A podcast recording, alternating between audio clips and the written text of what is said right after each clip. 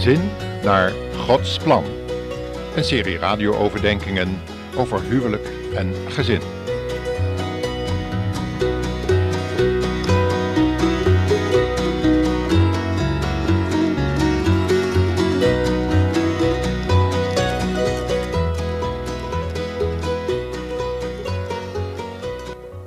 Vandaag willen we samen nadenken over het eerste huwelijk waarover we in de Bijbel kunnen lezen.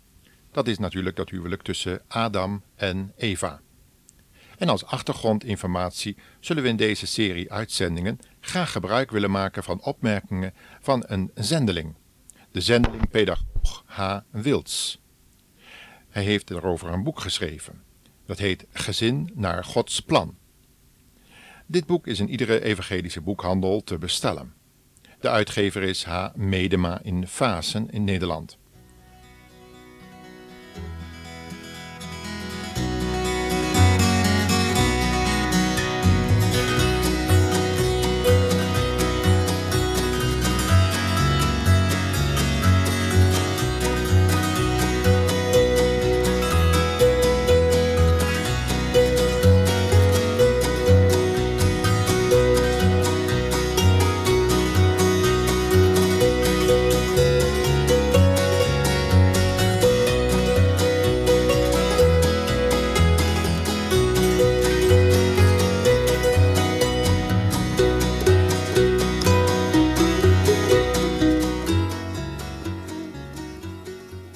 De eerste huwelijkssluiting waarover we in de Bijbel kunnen lezen, was zoals iedere luisteraar wel zal weten, die tussen Adam en Eva. We kunnen hierover lezen in Genesis 2, vers 18 tot 25. Laten we eens samen opslaan. Daar lezen we: De Heere God zei: Het is niet goed voor de mens om alleen te zijn. Ik zal iemand maken met wie hij zijn leven kan delen en die hem kan helpen. Toen liet de Heere God Adam in een diepe slaap vallen, nam een rib uit zijn lichaam en sloot die plaats weer toe waaruit hij die rib had genomen. Uit die rib maakte hij een vrouw en bracht haar bij de mens. Ja, dat is nou precies wat ik nodig had, riep Adam blij uit. Zij is echt een deel van mijn lichaam. Ik zal haar maninne noemen, omdat zij genomen is uit de man. Dit verklaart waarom een man zijn vader en moeder verlaat zich bij zijn vrouw voegt en werkelijk één met haar wordt.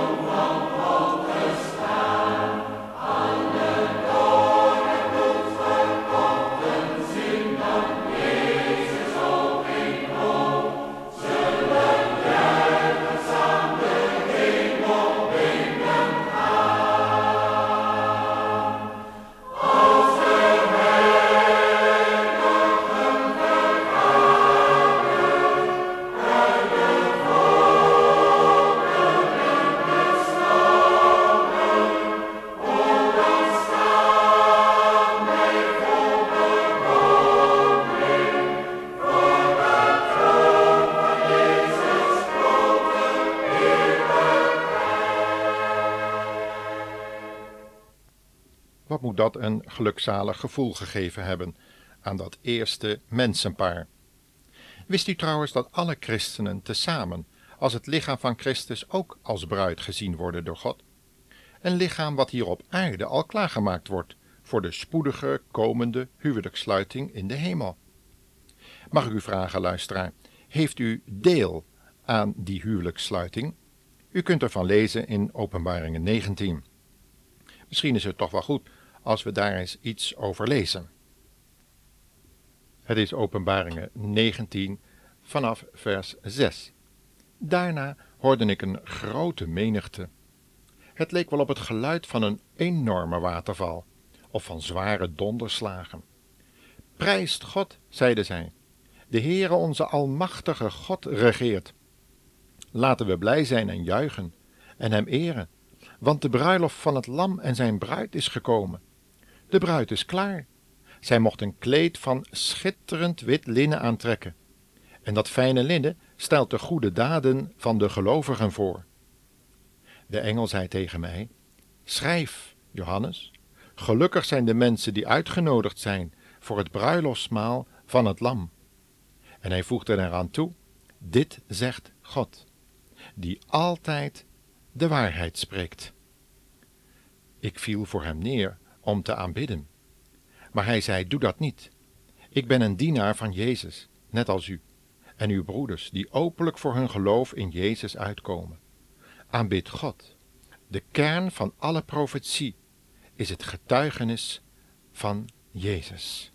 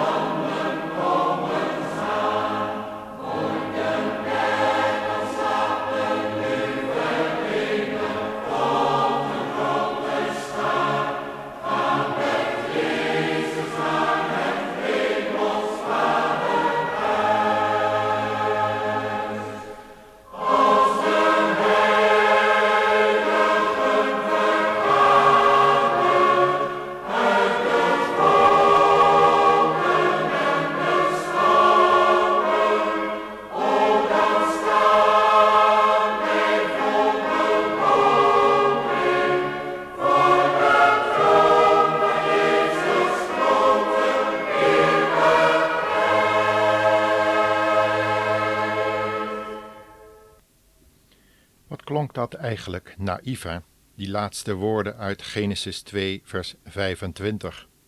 We herhalen ze nog eens. Zij, Adam en Eva dus, kenden geen schaamte. Tegenwoordig schijnt elk schaamtegevoel te zijn weggenomen, alsof we opeens teruggeplaatst zijn in het paradijs. Daar was nog geen sprake van zonde en schuld. Adam en Eva leefden in vrede en harmonie met elkaar en geen enkele onreine gedachte vulde hun denken. Ook niet toen zij nog gewoon naakt konden rondlopen. Hun liefde was helemaal in harmonie met de reine omgeving. Dieren waren nog niet bang voor de mens en Adam kon ze gewoon roepen om hen te bestuderen en namen te geven die bij hun wezen, hun karakter pasten. Een naam in de Bijbel drukt immers bijna altijd het karakter van iemand uit Vandaar dat de gelovigen die volharden in het doen van Gods wil, mogen uitzien naar hun nieuwe naam, die ze in de hemel zullen ontvangen. Een naam die volmaakt in harmonie zal zijn met de persoonlijkheid van de Heer Jezus Christus, die de naam boven alle naam heeft ontvangen toen hij de weg naar de hemel voor ons had geopend op het kruis van Golgotha. Zoals Adam in slaap gebracht werd, sliep de Heer Jezus de slaap des doods, om de kerk als bruidsgemeente aan zijn zijde te hebben in het hemelse paradijs. Zo lief had hij u en mij, luisteraar, dat hij dat vaderhuis opende voor u. Dat God een rib van Adam gebruikte, is niet zonder zin, schrijft de bejaarde zendeling en pedagoog Wils. De Joodse Talmud tekent hierbij nog aan: God maakte de vrouw niet uit Adams hoofd om over hem te heersen, ook niet uit zijn voeten om op haar te trappen, maar uit een rib, dicht bij zijn hart dus, om haar lief te hebben. Zo werden die twee eerste mensen door God in het huwelijk verbonden. Samen vormden ze op deze wijze de eerste eenheid, mens genoemd. Dat eerste huwelijk, waarbij als getuige alleen de Heere God en het dierenrijk aanwezig schenen, moet een uiterst gelukkig huwelijk geweest zijn. Samen mochten zij in het paradijs werken. En de kinderen die ze zouden krijgen, mochten meehelpen de hele aarde naar dat model te vormen. En ondanks alle inspanningen van alle mensen tezamen, is dat nooit zo ver gekomen. Daarvoor is iemand anders nodig, de Heer Jezus Christus, die de laatste Adam wordt genoemd, de volmaakte mens in de hemel. En, hij heeft gezegd, ik kom spoedig weer. Kent u die verwachting, beste luisteraar?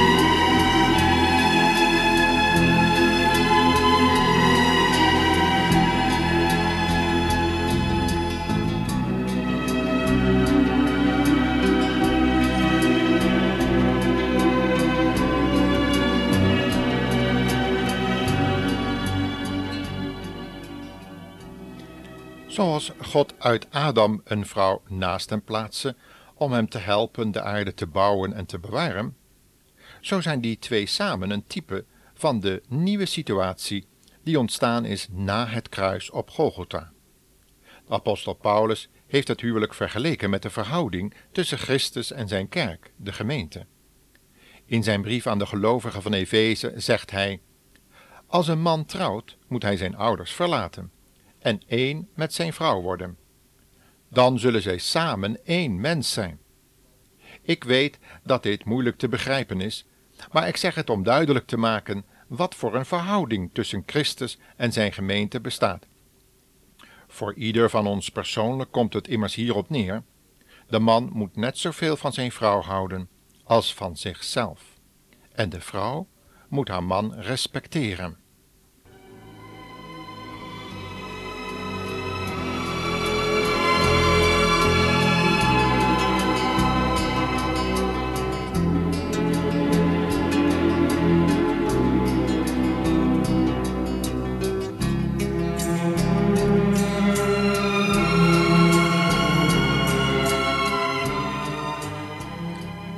U, luisteraar, hoe belangrijk het huwelijk in Gods oog is, nu u gehoord hebt waar de huwelijksinstelling naartoe wijst? In Gods opdracht en met zijn zegen en inzicht mogen ook wij het huwelijk beleven en kinderen opvoeden. Maar nu voor een hemels paradijs. Pas na de wederkomst van de Heer Jezus kan er sprake zijn van een aards paradijs. Wij zien intussen omhoog en wachten op Hem die alle zegeningen en alle dingen zal herstellen. Adam heeft geen rekening gehouden met de komst van de Heere God, die vaak met het eerste mensenpaar kwam praten. Ze wisten wanneer hij met hen wilde spreken, want aan het zuizen van de wind die hem begeleidde, konden zij horen dat God eraan kwam. Vanwege deze onoplettendheid kon Satan met een slang als medium het eerste mensenpaar misleiden door verdachtmakingen en verleidelijke en leugenachtige aanbiedingen. En dat doet hij nog steeds. Gelukkig is de Heer Jezus gekomen, geboren uit de maagd Maria, om het bedrog van Satan te ontmaskeren en hem te overwinnen. Maar daarvoor moest God zelf zijn offer geven, om u en mij in een hemels paradijs te brengen. Maar daar zullen we met u verder over spreken in een volgende uitzending. Het eerste gezin, maar dan wel na de zondeval, goed te verstaan. Luistert u dan weer mee?